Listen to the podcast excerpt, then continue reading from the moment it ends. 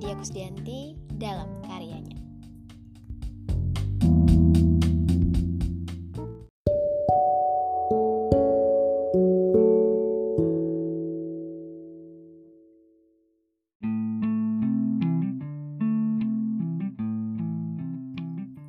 Namanya hujan. Seringnya kini kita berpapasan. Maksudku bukan tanpa alasan. Perjumpaan barangkali membasuh kesan. Sisanya meninggalkan teka-teki pesan. Sesederhana itu, datangnya laju, kupikir kita akan bergerak maju, tapi nyatanya kalimatmu palsu. Getir, aku lagi-lagi tertipu.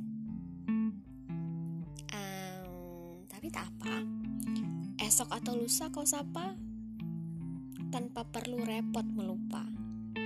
Matahari juga datang sedepa, lunturkan drama.